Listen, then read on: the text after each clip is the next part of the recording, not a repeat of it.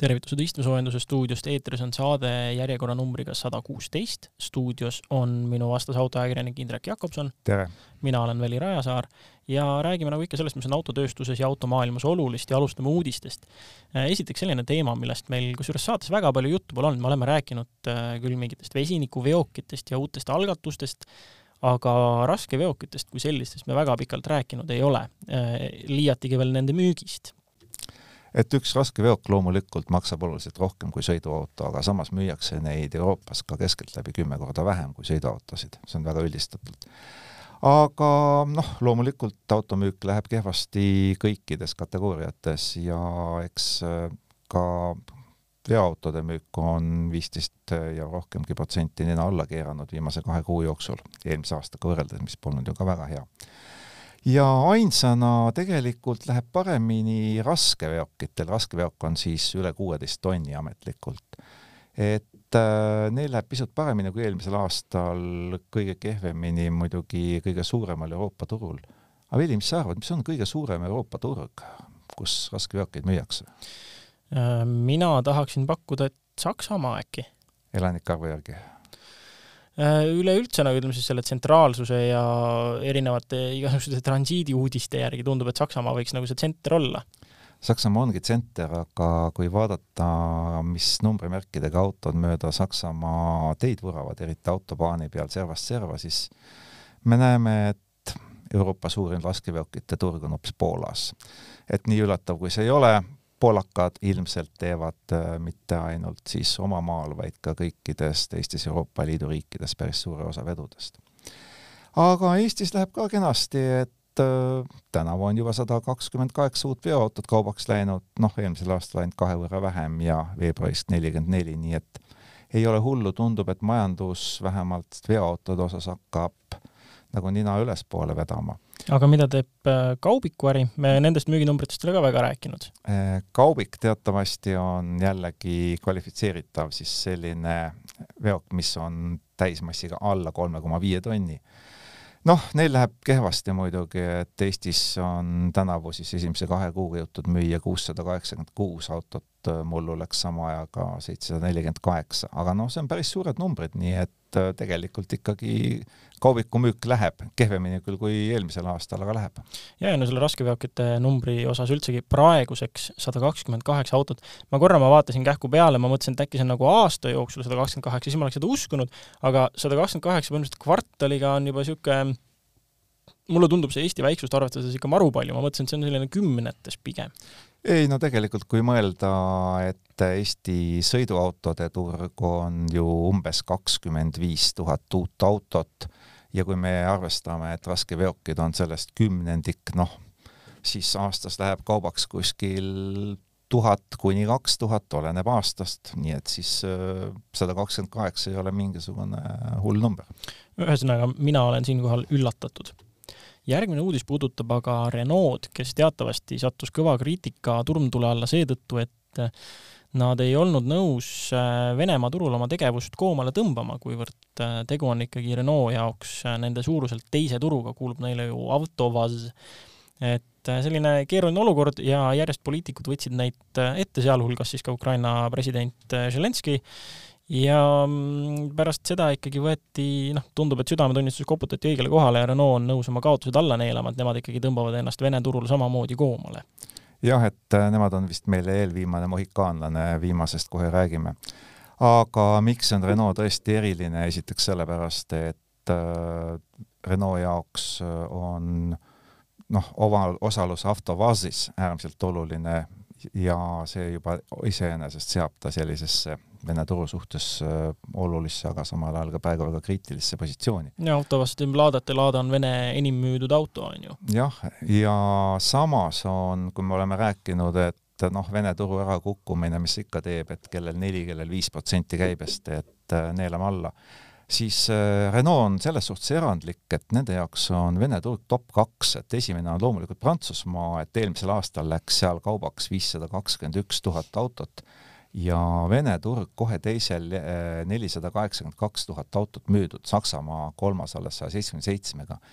nii et äh, selles suhtes väga oluline turg ja arusaadavalt, et Renault puikles vastu pikalt, mida teha, aga nad tegid lausa niimoodi, et panid Moskva tehase kinni, siis mõtlesid, mis teha, siis tegid jälle lahti, aga siis noh, pärast seda Zelenski sõnavõttu ega neil valikut eriti ei olnud. aga ikkagi Renault on Venemaal nelikümmend viis tuhat töötajat ja kui arvestada, et alles paar aastat tagasi oli selle eelmise suure juhi Carlos Ghosni skandaal, siis noh, neid usaldusväärsus saab pauke kogu aeg, et auto iseenesest on võib-olla parem kui need skandaalid selle ümber. jah, Gosn ju teatavasti lõi kiilu Renault ja Nissani liidu vahele peaaegu, et oleks see partnerlus, see sattus seal vägagi karidele ja Renault päästis põhimõtteliselt Prantsusmaa riigi poolt käendatud laen, aga nüüd siis tundub, et ikkagi savi jalgadel vangutakse edasi, et kuigi eelmine majandusaasta oli neil päris korralik kasum, siis ikkagi suur osa sellest oli Vene turu toel. ehk et kõike seda arvesse võttes ja teades Renault poolt ikkagi vägagi jõuline, märgilise tähtsusega ja õige otsus arusaadav, aga ega neid uudiseid ei ole ju lohutavaid eriti palju olnud, et pigem üks hullem kui teine, et noh, me ennustasime, et Venemaa langeb sanktsioonide tagajärjel eelmisesse sajandisse, noh, üks meie välja pakutud stsenaarium, aega on, kuni see jõustub, praegu tunduvad küll kõik märgid näitavad sinnapoole, et see lähebki nii aga me ei võtnud seda küll börsiuudiseks, vaid lihtsalt põikasime lüürilise kõrvalepõikena, et BlackRocki tegevjuht Larry Fink teatas Venemaal, teatas neljapäeval, et Venemaa sissetung Ukrainasse on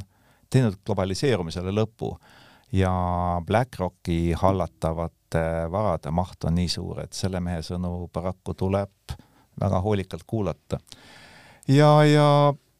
tundub, et üks suurtest autotootjatest äh, on tema mõtteid lugenud, ehk et teatas kohe selle peale, et nemad vaatavad oma äri ümber antiglobaliseerumise vaatenurgast ja selleks on Volkswagen. et äh, märksõnad rohkem tootmist kliendi lähedal, eriti siis Põhja-Ameerika turgu silmas pidades, lühemad tarneahelad, vähem arenevate turgude riske, noh, eks nad rääkisid seda tegelikult ammu, juba paar aastat, sest kui kiibikriis nagu esimesena kõvasti pihta lõi, siis noh, oli häda, aga saadi kuidagi hakkama, Ukraina sõda on praegusel hetkel kontsernile nüüd väga kõva paugu pannud, sest äh, seda, et juhtmest ikka napib, seda tunnistatakse nüüd äh, kogu kontsernis nii siin kui seal, et Volkswagen äh, alustas sellest esimesena, rääkisime ka saates, nüüd Audi oli järgmine, kes ütles, et neil on tootmisega probleeme, sest juhtmeid ei ole. Ja juhtmed tulevad Ukrainast ja Ukrainas on sõda ja, ja mida see tähendab, eks see tähendab tegelikult esialgu müügi piiramist, näiteks Kanadas ei lubata enam ID4 tellida ja ID5 öeldi, et üldse ei anta. ja noh, kui me räägime siin kodusest Eesti autoturust, siis tundub, et Sedan Passatiga on käesoleva aastaga lõpp, et järjekordne meie kallid E-segmendi auto eh, jõuab siin oma elutee lõpule, universaali veel saab, aga Sedaniga on vist kehvasti, et et esindused enam ei anna ja vaevalt Euroopastki kuskilt keegi üle on jätnud selle nüüd äh, rääkisime enne, et Renault tõmbab tagasi ja põhimõtteliselt viimaseks Venemaal toimetavaks kantsiks mingis mõttes äh, suurtest tootjatest on veel jäänud Stellantis äh,. Nemad ikkagi arvavad, et Venemaal, Venemaaga võiks Bisnecki teha küll, mis neil sellest? jah, et äh, nemad ei taha kuidagi oma Kaluga tehast kinni panna, et see on Moskva juures ja äh, noh, tehas on suur, selle tootmisvõimsus on tegelikult teoreetiliselt kuni sada kakskümmend viis tuhat autot aastas, praegu ta toodab küll kümme korda vähem ja peamiselt siis tarbesõidukeid, äh, kaubikud Peugeot'le, Opelile, Citroenile. enne Ukraina sõda oli ju Stellantisel ilus plaan, et see tehas hakkab siis varustama väga suurt osa Euroopast. Noh, lisaks on seal Mitsubishi tehase kaasomanik ja teeb seal Outlanderit ja Pajerot, tõsi küll, mõlemad Vene turule aga Stellantis, äh, nagu me ütlesime, ühest küljest on ta olnud väga tubli, ta on andnud miljon eurot Ukraina põgenikele ja sõnades, rõhutame siis sõnades, toetab sanktsiooni igati, aga tehast ei taha kinni panna, viimasena. tema on nüüd see viimane mohikaanlane. ja kui me nüüd arvestame, et Venemaa, Venemaa turg on Stellantise jaoks kuskil kakskümmend, kolmkümmend miljonit eurot puhtalt nüüd kasumireal siis noh, üks miljon nendest ära anda turunduskuludes on ju täiesti tühi. nohu ja pisku muidugi. jah, et miks mitte. sõnades võime toetada, aga aga tegi tegelikult midagi head veel ja tegi eelmisel nädalal ametlikuks oma avalikult siis uue mootori Reas kuue. ja selle nimi on Hurricane, me oleme sellest ammu rääkinud, et tuleb, tuleb, Masnal nagu tuleb ka kogu aeg, tuleb, tuleb, aga Stellantis tegi avalikuks ja mis on siis nüüd äh, täiesti ametliku kinnituse saanud, ega siin palju erinevat ei ole võrreldes sellega, mis oleme öelnud, et kuni kaks turbot, üle viiesaja hobujõu. Ja tundub, et äh, esialgu vist nii jääbki, et see paraku jääb ainult Ameerika brändidele, Jeep ja Dodge, et äh, ei oska öeldagi, potentsiaali vist no, Alfal oleks, aga ja noh, Ameerika brändidele jääb, siin on ka küsimus, et mis turgudele ta siis ikkagi jääb, sest et meie emissiooninõuded, äh, noh, ma ei tea, seda lihtsalt vaadates, et Ameerika mudelid selle saavad, tekib küsimus, et kas seda Euroopa saab üldse ikkagi. No kui praegu vaadata, et siiski Ameerika auto täiesti kenasti impordib ja RAM müüb nagu mühin, siis ilmselt on kliente, kes jõuavad praegu veel seda süsinikumaksu ära maksta, aga kui kaua, see on teine teema ja võib-olla võib-olla selles ongi põhjus, miks ei ole seda mootorit isegi üritatud ühelegi Euroopa brändile peale panna, sest siis oleks ilmselt tegemist uute müükidega, et kui siia noh, ka Eesti turul müüa sada autot, siis äh, selle neelab alla, aga kui tahta tuhat müüa, siis läheb keeruliseks. nüüd see kolmeliitrine Hurricane äh, tuleb siis äh, teadaolevalt vähemalt kahes versioonis, millest üks on rohkem kui neljasaja hobujõuline ja teine siis see high output on siis lubatud viiesaja hobujõuline, mis sa juba mainisid, või umbes sinnakanti, rohkem kui viissada ja pöördemomendiks lubatakse seitsesada kaheksakümmend Newtonmeetrit, väiksemal versioonil, siis vähem jõu, jõuetumal versioonil lubatakse kusagil kuussada kümme Newtonmeetrit. iseenesest see on täitsa, täitsa nagu väga, ütleme, korralikud numbrid, ameeriklaste neid selliseid ütleme, bensiiniajastu lõpp või bensiini, jah, bensiiniajastu lõpu tähis, lõppu tähistavaid šedöövreid vaadates, et tekib isegi tunne, et need on natuke siuksed, ütleme, vaos hoitud no et... ma ei ütleks nüüd, et äh, kakssada üheksakümmend neli kilovatti ja kuussada kümme Newton-meetrit on jõuetu, et no, see isegi Ameerika mõistes ei ole vaatame, see jõuetu. kui me vaatame kõik need, mis, mida nad teevad, Hellcatid ja Demonid ja igasugused SRT versioonid, et siis, siis tundub küll, et noh, see, see on siin selline ilmselgelt äh, pikemaks tarbimiseks mõeldud mootor, et kui need teised on mõeldud ikka kohe niisuguseks lõpp-pauguks. et loodetavasti sellele mootorile on ikkagi pikka iga ja noh, kes teab, äkki seal on ka emissioonide mõttes mingisugune äh, mahatõmbamise varu ikkagi sisse arvatud, et seda saab mingiteks järgnevateks normideks ka veel kohandada, et ähm, et siin seda küll lubatakse näiteks, et selles high output versioonis äh, saab suurte koormuste korral ikkagi äh, olulise kütusesäästu mingisuguse tehn-, tehnoloogia toel. jah, et eks Stellantis lubab mõlemale mootorile ikka, et tegemist on optimaalse kütusekasutusega, väga hea ähm, noh, mis iganes äh, suurepärane kütusesääst, no tänapäeval muude argumentidega eriti ei müü mm. -hmm, jah, noh, sa võid sinna reklaamtekstisse toppida kui palju tahes seda sõna dünaamiline ja mingisugused muud asjad, aga, aga jah, lõppkokkuvõttes ikka vaadatakse seda, palju ta päriselt ka võtab. aga kolime korra börsiuudise juurde ja see tuleb seekord üllatus-üllatus, äh, mitte Rivianilt, vaid hoopis Teslalt. ja et äh, me panime ju ühe oma ennustusega sellega paika, et Tesla tuhat aasta lõpuks, et kui Tesla püsib tuhande peal, siis me ilmselt oleme õigel teel ja kui ei püsi, siis siis on midagi kehvasti läinud. no nüüd tundub seda, et Tesla tuhat me aasta lõpul ei näe, aga ei näe sellepärast, et aktsia lüüakse pooleks, nagu eile teatati. noh, kas tuleb just pooleks, seda me ei tea, eks aktsionärid sügisel kinnitavad selle ära, aga esialgu on välja pakutud, et see saab olema tõepoolest jaotus kaks-üks ja Tesla aktsionäridele see meeldis, kaheksa protsenti läks aktsia üles, et ajaloos ükskord on seda juba olnud ja see oli siis äh, kolmekümne esimesel augustil kaks tuhat kakskümmend, poolteist aastat tagasi oli siis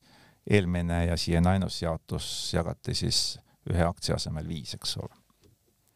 tegeleme nüüd natukene kollase ajakirjandusega ka, sukeldume Elon Musk'i isiklikku ellu, aga noh, kuivõrd ta selle kõik Twitteri vahendusel ise teatavaks on teinud, siis pole tal kedagi teist süüdistada peale enda. tal on nüüd jälle teist korda Covid.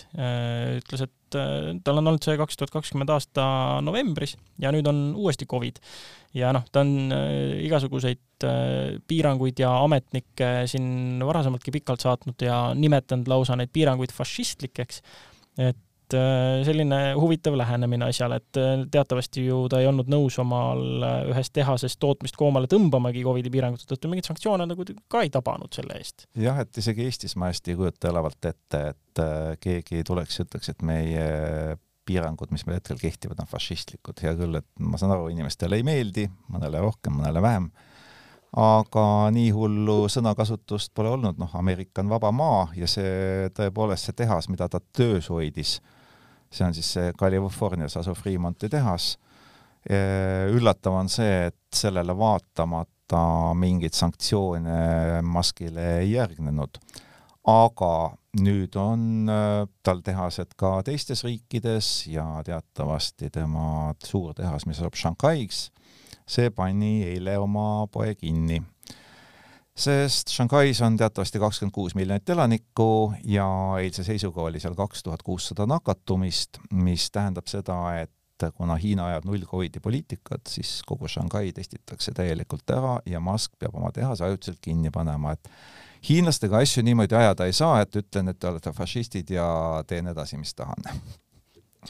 no ühel pool on siin maskivastased ja teisel pool tekitavad maskivastased siis äh, Tesla tapmisega ja selle jaoks on leiutatud või tuldud välja ühe toreda vahendiga ka GM-i poolt ja selleks on Cadillac Lyric. et äh, Jim on tõepoolest seda nimetanud Tesla killeriks ja me rääkisime sellest autost tegelikult sügisel juba, sest äh, General Motors tegi väga vahva turundustriki, avas kaheksateistkümnendal septembril siis sellele autole eeltellimise võimaluse ja ütles, et tellimused said kümne minutiga otsa. Äh, me proovisime järgi uurida, mitu autot siis tellida lubati, kahjuks seda infot General Motors meiega ei jaga. aga pole hullu, sellepärast et äh, autosid saab nüüd jälle edasi tellida ja noh, tõepoolest valmis on igati uhke veebileht, auto on tõepoolest soodne, kui võrrelda näiteks Model S-iga, millega ta peaks konkureerima, siis selline Cadillac maksab kuuskümmend tuhat, Model S tunduvalt rohkem. ainuke viga on see, et Modelid S-id ja muud Teslad tulevad liinilt kogu aeg, hea küll, Shanghais nüüd natuke aega ei tule aga Cadillaci puhul öeldakse otse ette ära, et te võite tellida küll nüüd rõõmsasti, aga sel aastal te autot mitte kätte saada ei pruugi. Neid, kes tahavad selle autoga lähemalt tutvuda, need, need saavad otsida internetist Cadillac Lyric ja siis kirjapilt on Y-i ja Q-ga lõpus, Lyric Q aga liigume sellest edasi nüüd nädala proovisõiduauto juurde ja selleks oli uus Volkswagen Taigo. sõitsime Indrekuga mõlemad, kogusime mõtteid. Ähm, Indrek, ma küsin kohe sinult siis, et äh, loe näiteks meile palun ette need äh, mingisugused tehnilised jõu- ja ilunumbrid kõigepealt. mis, mis sorti masinaga on tegu ja mida temast lubatakse ja mis hinna eest? Tehniliselt on tegu suhteliselt igava autoga, ehk et äh, kõigepealt noh, kapotialune kõige igavam koht, neli mootorit. oodad, kui kapoti all on neli mootorit, siis see on ju väga huvitav koht, vastupidi. ei ole Rivian, ei ole nelja mootoriga, on neli erinevat varianti, aga ainult üks mootor. ja see üks mootor on siis kahes seades äh, kas üheliitrine äh, noh, lahjem, nüüd me räägime küll tõesti sõna otseses mõttes lahjem, ehk seitsekümmend kilovatti ja üheksakümmend viis hobujõudu või siis kaheksakümmend üks kilovatti ja sada kümme hobujõudu. kolmesilindriline läheb sinna vahele? kolmesilindriline, aga see kolm silindrit ja nüüd tuleb kohe esimene oluline koht, need kolm silindrit on väga hästi tasakaalustatud. muide, kas sa tead, et näiteks sellel mootoril ei ole ühtegi tasakaalustusvõlli? jah, see on, ma olen temaga kokku puutunud siin mõneski autos, äh, selles viimases Škoda, Škoda Fabias oli sama, sama mootor, kui ma õigesti mäletan, selle puhul ma otsisin ka välja, et ei ole tasakaalustusvõlli ega võlle olid sellised hästi ägedad tummised mootoripadjad, kus oli hästi palju liikumisruumi, kui mingid värinad peakski olema, hästi nagu äh, see, see ruum, kus on äh, puks summutamiseks või padi summutamiseks, on üpris suur. jah, et see on mootor, mis töötab väga siidiselt, et me noh, nii palju, kui oleme siin erinevate kolmesilindristega kokku puutunud, olgu siis Hyundai, Kiia, Renault, Dacia äh,, ja noh, Volkswagen siis äh, vaieldamatult Volkswageni grupi oma on kõige pehmem, mõnusam. tal ei ole üldse sellist kolmesilindril selles omast värinat, nii et kui sa nagu päris hoolikalt ei, ei uuri, siis ei saagi teada, et ta on, on ainult kolmene. nii, sa mainisid ära praegu seitsekümmend kilovatti üheliitrine, kaheksakümmend üks kilovatti üheliitrine. ja lisaks äh, ühe koma viiene saja viiekümne hobujõuline, aga no ilmselt see ei saa väga populaarseks, sest selle eest küsitakse lihtsalt rohkem raha. aga selle auto klient ilmselt ei pea ka seda lisandunud neljakümmend hobujõudu nii ülivajalikuks. ja neljas variant, ütlesid on neli mootorit? mootoreid on kolm, aga neli kombinatsiooni ehk et äh, kõige lahjemat mootorit saab ainult viiekäigulise käsikastiga, siis keskmist versiooni saab nii kuuekäigulise käsikasti kui seitsmekäigulise topeltsiduriga automaadiga ja kõige kangemat, vingemat ühe koma viiest saab siis ainult seitsmekäigulise automaatkastiga. võin kohe ette ära öelda, ilmselt äh, kõige populaarsemaks osutub seesama versioon, mis oli meil ka proovisõiduautoks, ehk siis üks liiter, sada kümme hobust ja seitsmekäiguline automaat. Äh, hinnaklass? Hinnad hakkavad üheksateist tuhat seitsmesaja viiekümnest eurost äh, ja lähevad pisut üle kolmekümne tuhande, et meie proovisõiduauto maksis kuskil kolmkümmend üks tuhat enam-vähem. ja autoklassi mõttes nüüd võiks nimetada vist väikseks pereautoks, on ju? no jah, väikseks pereautoks on väga täpne määratlus, Volkswagen jätab ta endiselt B-segmenti, sest ta ju tegelikult on lähisugulane Volkswagen D-Crossiga ja Volkswagen Pologa, neist viimast küll enam Eestis ei müüda. ja kõik nad on ühel ja samal platvormil, noh, teljevahega ei ole väga mängitud, lihtsalt pisut pikem kui T-Cross, paraku ka madalam ja enam-vähem sama lai, nii et sellisel kujul ta jääb ikkagi selliseks nelja inimese kehvasti kasutatavaks ja kahele inimesele väga hästi kasutatavaks. kehvasti tuleb muidugi võtta nüüd reservatsiooniga, läheme kohe sisemusse ära, aga sellest ei saa nagu üle ega ümber. et äh, see kõrguse vähenemine, lauge tagaosa tähendab ju automaatselt pearuumi söömist tagaistmel. ja Volkswagen on selle lahendanud väga lihtsalt, ta on võtnud tagaistme, muutnud äh, padjakallet sedavõrd, et sa istud nagu augus mis tähendab seda, et äh, põlved on suhteliselt püsti, äh, põlved on natuke rohkem konksus kui harjumuspärane, mis omakorda tähendab, et sa mahud sinna kenasti ära, aga see ei ole mugav pikkade vahemaade jaoks. linnas saab hakkama.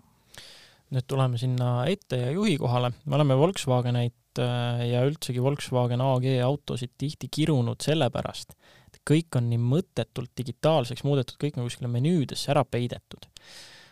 mis Taigo puhul nüüd silma hakkas, on see, et äh, me oleme sattunud hetke, kus äh, noh, neid, neid imelikke asju, mille puhul me ütleme, et me oleme põhimõtteliselt ajas tagasi läinud ja see väärib aplausi, siis Taigo on üks neist autodest, kus nupud on, osad tähtsad nupud on tagasi toodud ja see on väga hästi. et seetõttu on Taigo üks nendest autodest, mis tekitas minus hästi palju positiivseid emotsioone ma ei taha Volkswagenile liiga teha, aga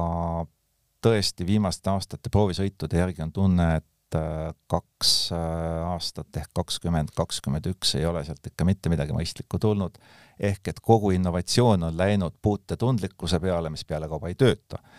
töötab siis, kui tahab ja siis, kui vaja on, siis ei tööta. Taigo puhul äh, tegemist oli kõige kallima versiooniga proovisõiduautoks ja ometi tema roolil olid täiesti kasutatavad puut- äh,, mitte puutetundlikud, vaid tavalised nupud, vajutad, toimib, ei vajuta, ei toimi. me just hiljuti rääkisime sellest, kui testisime nii elektrilisi versioone, siis no midagi ei ole teha, töötab siis, kui tahab ja kui mm -hmm. taha, siis ei tööta või Cupra Borni puhul samamoodi. Taigo on sellest äh, hädast prii ja, ja samamoodi on tal äh, keskele jäetud üheksa koma kahe tolline ekraan, mis on täiesti piisav. Ja seal on ometi alles kaks füüsist nuppu, keerad heli valjemaks, keerad vähemaks, teisest nupust reguleerid seda, mida sa otsid, raadiojaama, ehk et väga mõistlik kombinatsioon on säilinud, no tundub juba, et vanad head ajad tulevad tagasi, et äh, Volkswagen, palun hoida niimoodi. jah, täpselt, see on, mul ei olnud ühtegi momenti, kus ma oleks nende nuppude või millegi peale pahaseks saanud, isegi need, mis ei ole füüsilise nupukujul alles, ehk siis näiteks äh, kliimaseadme kontrollimise nupud, sul noh, kas või äh, siis soojuse jaoks on ikkagi need, nad ei ole isegi mitte haptilised, vaid lihtsalt sul ongi sinine ja punane koht, kuhu sa vajutad, sa ei tunne, kas sa vajutasid või mitte, sa näed seda ekraani pealt, aga isegi nendega ei ole mul mingis, midagi ette heita, sest see, see toimis, seal ei ole seda, et töötab vahepeal, vahepeal ei tööta. ja no nii on, aga muidugi mul nii palju on ette heita ja läheme siis nüüd üldse nagu talvevarustuse juurde ainus, mis talle saabki ette heita, on see, et kinnastatud käega need nupud ei tööta. et ainukene auto, meenutame, kus me selle probleemiga ei põrkunud, ehk et puutetundlikud ekraanid töötasid kinnastatud käega hästi, oli Porsche. aga seal me räägime ka teisest hinnaklassist hoopis, et unustame selle hetkeks. ja räägime talvesõidust. Taigo on väike auto, ja Taigo on odava hinnaklassi auto. Ja see tähendab seda, et Taigo varustuses on mõned asjad, mida mitte mingi raha eest ei saa, nagu näiteks esiklaasi soojendus või sisse ehitatud Webasto, aga mida tal on muidugi pakutakse ja Volkswagen reklaami poolega on Matrix LED-id, nii et selles suhtes on ta jälle samm eespool oma Škoda sõdarast konkurendist, äh, kus kõige väiksemale linnamaasturile maatriksit ei pakuta, Taigole pakutakse neid uusi IQ maatriks LED-e. kuidas sulle tundusid? jah, ja ma just äh, eile ma käisingi meelega suhteliselt hilisõhtul sõitmas ja suhteliselt pikal tiirul. sain kasutada nii lähitulesid kui kaugtulesid ja no pean tunnistama, et kaugtuledega ikkagi väga-väga-väga selge vaade. noh, lähituledega oli see, et kohe, kui kaugtulede pealt pidi lähituledele panema uuesti, siis oli no, no siis oli niisugune tunne, et ei, ei, ei tahagi niimoodi, tahaks nagu kogu aeg kaugtulesid hoida, nii selge ja kauge näht-, kaugele nähtavus oli. maanteel sõites oli lihtsalt see, et et maanteel paraku need lähituled, kui mõni auto vastu tuli, siis ei ei olnud enam, noh, võib-olla need kaugtuled lihtsalt hellitasid ära mind no, selle selge ja kauge vaatega. mulle tundub ka, sest äh, mina nende lähitulede kohta ei ütleks küll ühtegi halba sõna, et äh, olles ju testinud päris palju selles hinnaklassis autosid, siis võib öelda, et tegu on vaieldamatult ühtede paremate äh, lähituledega, kui saaks veel tulepesu, oleks äh, täiesti viis pluss. Äh, kaugtulede kohta ütleme niimoodi, jaa, ma olen sinuga nõus, need näitavad väga kaugele, valgusvihk on väga lai, selles suhtes on need uued maatriks LED-id paar aastat vanadest paremad. mis ei ole minu meelest parem, on see, et ega nende see loogika ei ole nii hea, et et äh, kui võtta Matrix LED-id, mis Volkswagen pani kahekümnendal aastal oma autode peale, siis need oskavad pisut paremini neid valgustatud, mittevalgustatud kohti ära tunda, aga neil jääb jälle valgusjõust puudu, nii et jah, maanteel tõesti väga kaugele näitavad ja noh, lõppude lõpuks Matrixi puhul ei ole ei olegi see ju nii tähtis, et me peaks seal pilli lõhki ajama, et kelle omad on need paremad. ja no üldiselt äh, mul on äh, siiamaani silma jäänud, et kui, äh, kui autot arvustades tulevad tema tuled jutuks, siis on kaks varianti, kas on väga-väga kehvad või on väga-väga head. et sellistest keskmistest tuledest ei kipu nagu keegi midagi rääkima, et mul lihtsalt meenub, et ma olen vist kas ühe Jaguari, mõne, mõne uuema Lexuse puhul, millel on plate scan'id, onju, ja nüüd siis selle auto puhul ikkagi täiesti noh, teadlikult nende tulede peale mõelnud ja neid äh, plaaninud välja tuua sellest autost rääkides või kirjutades, et et üks hea näite autodest ikkagi. jah, et ma olen samamoodi püüdnud talvesõitu nagu eraldi välja tuua ja kui on võimalik äh, kõigepealt lund, külma, libedat, siis on hästi, kui ei ole, kui test satub suvele, juunikuusse, siis on pisut kehvem ja tulede efektiivsust on samamoodi raskem hinnata, et seetõttu need autod, mis sügistalvel satuvad testi, saavad äh, saavad mõnikord rohkem kiita, mõnikord rohkem kriitikat, aga kindlasti asja eest. Äh, nüüd ma tulen korra selle multimeedia infolusti juurde tagasi. Äh, kiitust sai see, et mingisugused nupud on tagasi toodud, roolinupud töötavad, aga ikkagi mulle isiklikult kuivõrd ma sõitsin nüüd Taigoga onju ja enne seda ma sõitsin nädalavahetusel äh, uue multivanniga, siis ma ütlen ausalt, et ikkagi mulle see üleüldine Volkswageni infolusti ja kogu menüüde ülesehitus ikkagi väga ei istu veel. ja muidugi, kui selle autoga mõned päevad elada, sa harjud sellega ära, aga see, kuhu asjad on ikkagi peidetud ja kust neid otsida tuleb, ähm, natukene ikkagi tundub meelevaldne kõik see, et kas või juba kuidas navigatsioonil otsimine, siis sihtkoha, sihtkohta navigeerimise peatamine näiteks käib ja mingid sellised asjad on natukene ebaintuitiivsed ja ikkagi ajasid närvi mustaks. no mina näiteks äh, kasutasin navigatsiooniseadet viimane kord, äh, ma mõtlen, mis Volkswagen see oli. Äh, ühesõnaga, see oli Volkswagen, kuna müügimees ütles, et proovi kindlasti ja see jäi mul ka viimaseks korraks.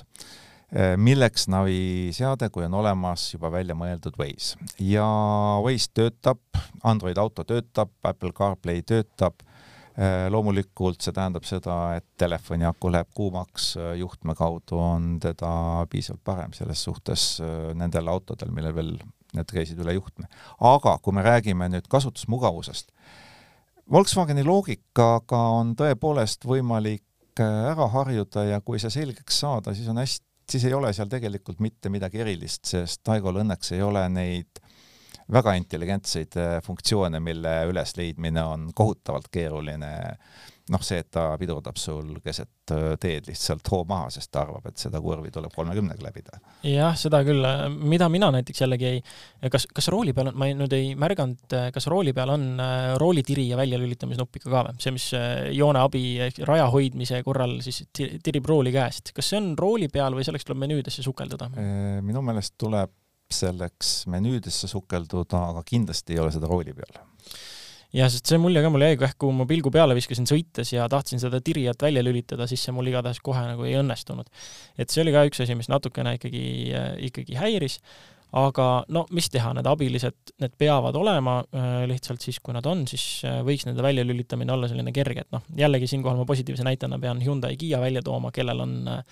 rooli peal kõigil uutel eranditult see nupp, millel on rool ja kaks joont ja kui sa seda nuppu all hoiad, ta lülitab kõik piiksujad, karjujad, tirijad välja, et äh, see on tee, mille võiksid võtta ka teised autotootjad minu hinnangul. jah, aga saame ka sellega hakkama, sest kui tal on seadete alt vähemalt võimalik äh, seda teha, siis see on juba hästi erinevalt mõnest tootjast, kes seda võimalust nagu üldse ei paku. ja samas nüüd meenutame seda, et Taigo on siiski väike, selline neli, pisut üle pisut üle nelja koma kahe meetri auto. ja see tähendab seda, et ega temaga ju audruringile ei minda, et äh, ta ongi mõeldud turvaliseks sõitmiseks punktist A punkti B ja see on nüüd teine koht, kus jälle ma ütleksin, et vanad head ajad on tagasi, ma ei tea, kuidas sulle tundus, aga selle auto vedrustus ja sõiduomadused ütlevad eksimatult, et sa oled Volkswagenis, sa ei ole kuskil mingisuguses ebamäärases üldise maitse järgi tehtud autos, mille juhitavus on sügavalt keskpärane, vedustus on keskpärane, ehk sa ei suuda tuvastada ära, milles on. Taigo puhul on selge, see on Volkswagen, täpselt see jäikus, täpselt see kurvi läbimise kindlus, mis on Volkswagenile omane. tal on iseloom, ta ei ole võidusõiduauto, aga omas klassis äh, temaga on mõnus sõita. jah, sõiduelamuse kohta ma ka pean ütlema, minu, minu eile, eilne hilisõhtune tiir jälle kord oli äh, mööda mu lemmikuid kurvilisi ikkagi, sadas ka mingit toredat läkka taevast, teed olid märjad, äh, päris jääd ei olnud, mul, ma vaatasin, et äh, kas võib minna ohtlikuks selles mõttes, et ühtepidi sõidan tee läbi, pärast tulen tagasi, et siis on nii, et temperatuur kukkus natuke miinusesse. aga kuivõrd igal pool asfaldi temperatuur ikkagi oli positiivne, siis, ähm, siis ei olnud seda, et vahepeal maha sadanud läkk jäätuks ära ja oleks kuidagi libe et ühesõnaga suhteliselt sellise stabiilse pidamisega tingimustes sain proovida, kuidas ta käitub. täiesti jään rahule, ta ei, ole ülemäära jäik, ta ei ole ülemäära pehme, ta ei ole ülemäära kalduv jah, mingit konkreetsust sa muidugi sealt roolist kuidagi nagu väga ei saa, ta on äh, oma nendes sõidurežiimides, ma, ma isegi ei, ei, ei taju nagu, nii, ei tajunud nende vahel sellist drastilit, drastilist vahet nendel sõidurežiimidel, mis tal on. jälle üks neist autodest, kus sa võid seal igasuguseid režiime külge pookida, aga lõppkokkuvõttes on see, et sul on kapoti all see üheliitrine, ega ta mingisugust maagiat sul seal ikka ei tee, ta on selline, ütleme, keskmisest vilkam, aga mitte midagi nagu väga erilist. Äh, aga jah, juhitavuse osas ainuke asi, ainuke selline huvitav mõte, millelt ma nüüd tabasin äh, ühte kurvi võttes, oli see, et mulle tundus, et saba nagu justkui noh, see on sarnane tunne sellele, kuidas näiteks Renault'e või üldse nelikroolimisega autode puhul saba natukene nagu roteerub kaasa, siis mul korra, korra kusagil kurvis oli selline tunne, et kuidas, mida see tagatelg praegu teeb, kas, kas tõesti nagu selline mulje oli, nagu ta justkui keeraks ülivähe kaasa, väga imelik selline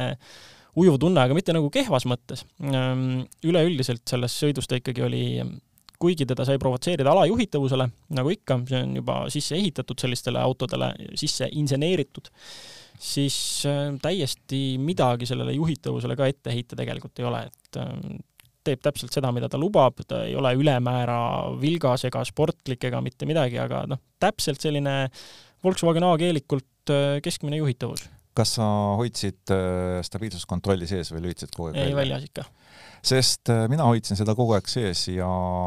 mis mind üllatas, eks ma jälgin ka, et mitu korda see tuluke ees põlema läheb mm. -hmm. üks kord vist kogu pika testi peale, et selles mõttes see üsna pikalt laseb olla, et ma alati toon näiteks siia Seat Leoni FR versiooni väga sportlikku, mis äh, juba noh, iga pisimagi katse puhul ütleb, et ei. aga eks seal on see pöördemomendi vahe ka ikkagi, et et, et jällegi selle selle Taigo puhul, ega tal ei olegi isegi selle libeda, kergelt nagu vihmavärja, märja asfaldi peal, tal tegelikult, tal ei olnudki seda jõudu, et mingitest asenditest ennast nagu ringi tõmmata. tal ei olegi seal nagu mingisugust äh, kaabet, mida vältida. et äh, see oli nagu teine asi, mis teda natukene selle koha pealt ka võib-olla piiras, et, et aga jah, ma, ma ei, ma ei, ei saa nagu öelda, et mul noh, kui sa isegi, kui sa võtad need abilised maha taustale, midagi jääb ikka tööle. ja ma ei ole, ma ei tundnud, et mul midagi oleks sekkunud, aga jällegi ma arvan, et asi on selles, et äh, sellistes oludes ma võtsingi sellise üpris konservatiivse läbimise lähenemise, kusagil liialt ei surunud, oma paar alajuhitavuse momenti sain kätte, siis oli selge, kuhumaani teda võib nagu torkida, enne kui ta, enne kui ta ütleb njett ja, ja seal edasi ei olnudki seda, et kusagil kaape-väldik või midagi oleks saanud üldse sekkuda, ta, ta, ta nagu ei, ei noh, ma arvan, et asi on selles, et ikkagi tal ei ole seda pöördemomenti nii palju lihtsalt. aga ega ta ei olegi ju mõeldud, sest äh, veel kord äh, no,, mida, mida sellest ühest liitrist tahad ja ta ei ole mõeldud äh, ringrajaks, ta on mõeldud sellest, ta on linnaauto ennekõike, aga temaga on ka väga mõnus maanteelt sõita, et selles mõttes ei saaks sugugi öelda, et pikemate vahemaade puhul oleks nüüd kuidagi kehvasti, kui äh, sisemüra korra toon välja muidugi, ma ei tea, kas sind häiris, aga mina ikkagi sain ta nagu kumisema natukene, et see ja, oli maanteekiirustel. Nõus, sisemüra päris kumisema ma ei saanud, aga ma ütlen, et äh, eks äh, müraisolatsioon vastab hinnaklassile. Jah, sest mul oli ikka see, et maanteekiiruseni jõudes, noh, pidin muusikale natukene ikkagi mõned pügalad peale keerama ja ta ikkagi nagu siis ütleme, see sisemüra veidike nagu mudrustab seda muusikat, et see helisüsteem on jällegi, noh, kasutan siis, võtan sul sõnad suust, vastab hinnaklassile, et midagi ülierilist seal ei ole, mingisugust äh, ülinüansirikast mängimist sa seal ei saa aga ma viisin ta muidugi ikkagi ka munakivitesti ja sealt tuli selline viis miinus tulemus, mis on noh, ütleme no seda hin... ajaloo, ajalugu arvestades ju väga hea tulemus, viis miinus. jah, et äh, tegemist on lõppude lõpuks äh, jällegi hinnaklassi kohta väga hea, ei ole ühtegi suurt sellist kolinat, äh, mis nagu viiks selle hinde otseselt alla. pisikesi naginaid on, päris plastist ju, kõvast plastist see auto vaba ei ole, aga see, mis on, on päris hästi tehtud jah, ühesõnaga väga mõistlik auto, mille hind peegeldab tema omadusi, ei ole midagi siin, ühesõnaga äh, kui turundusjuttu usute, siis liiga teile minu hinnangul igatahes ei tehta, et seda, mida lubatakse, seda saate. Äh, mina isiklikult võib-olla, kuna lihtsalt Fabia tuli jutuks ja ma meenutan, siis kusjuures ma, ma isegi, mul on tunne, aga see on tõenäoliselt võib-olla kerguse tõttu, ma ise eelistaks isegi võib-olla Fabiat sellise auto asemel, sest ta täidab nagu enam-vähem need funktsioonid ära. ma ei tea, kuidas sul on? no äh esiteks disain äh, kindlasti ei ole võrreldav, et äh, mulle lihtsalt meeldivad sellised kupeelaadse kerega autod rohkem kui väga järsu tagaosaga, aga see on sügavalt maitse asi aga lõpetame tänase saate automõttega. ma ei mäleta, kas meil eelmine kord oli, me oleme, noh, eelmine kord oli selline, ütleme, põgus hobiauto teemaline aga kas meil on sellist äh, päris õiget automõtet olnud nii pikalt, vist mõned korrad oleme saate pikkuse tõttu pidanud vahele jätma. no seekord igatahes Indrekul on üks mõte. jah, no mõte on tegelikult äh, autotootjate mõte ja mõte on üks hästi lihtne küsimus. teatavasti päris hea hulk aega tagasi umbes aasta hirmutati meid sellega, et kohe-kohe hakatakse elektriautosid maksustama, sellepärast et elektriautod tulevad, sisepõlemismootor kaob ja kütuseaktsiis koos temaga. ja samamoodi on meile räägitud juba viimased kümme aastat erinevaid kanaleid pidi erineva intensiivsusega, et läbisõidupõhine autode maksustamine tuleb ka, et see on paratamatus aga nüüd värske mõte on see, mille peale on tulnud äh, mõned autotootjad ja siis ka autotestijad, et miks muretseda selle pärast, äh, kui palju see auto neid kilomeetreid läbis, sest soovime või mitte, tegemist on ikka päris olulise privaatsuse riivega. et äh, kui need andmed lähevad nüüd reisima sinna kohta, kuhu ei peaks, mõne pahalase kätte, kes tahab neid suurema või veel suurema raha eest maha müüa, siis äh, seda pahandust äh, ei taha ilmselt keegi ja see on, tuleb välja, et lihtsamini välditav. ehk et mille peale on hakanud autotootjad mõtlema, lõppude lõpuks, kui sa laed elektriautot, siis äh, alati on ju võimalik tegelikult autol täpselt teada saada, kui palju sa seda elektrit laadisid, millal sa laadisid ja isegi kus kohas sa laadisid. ehk et äh, maksustamiseks ei pea sugugi hakkama auto läbisõitu GPS-i või muu mobiilseadme abil mõõtma, kui sul on eesmärgiks, et auto laeks elektriliselt, see puudutab näiteks pistikhübriide siis palun väga, äh, autotootjatel on ju tegelikult see informatsioon olemas, kui palju see auto on sõitnud, sest seda infot ta saadab kogu aeg, kui palju see auto on laadinud ja rohkem ei olegi vaja. maksuametile koondnumber ja aasta lõpus tasaarveldus sel korral siis säärane põgus mõte. Äh, järgmisel korral, kui midagi löövat ja põrutavat just vahele ei tule, siis äh, automõttena on plaanis rääkida väsimusest, meil mõlemal Indrekuga on mõned äh, omad kogemused jagada, et sellest siis juba järgmises saates. loodan, et kuulate meid ka järgmisel nädalal, aitäh! Kuulmiseni!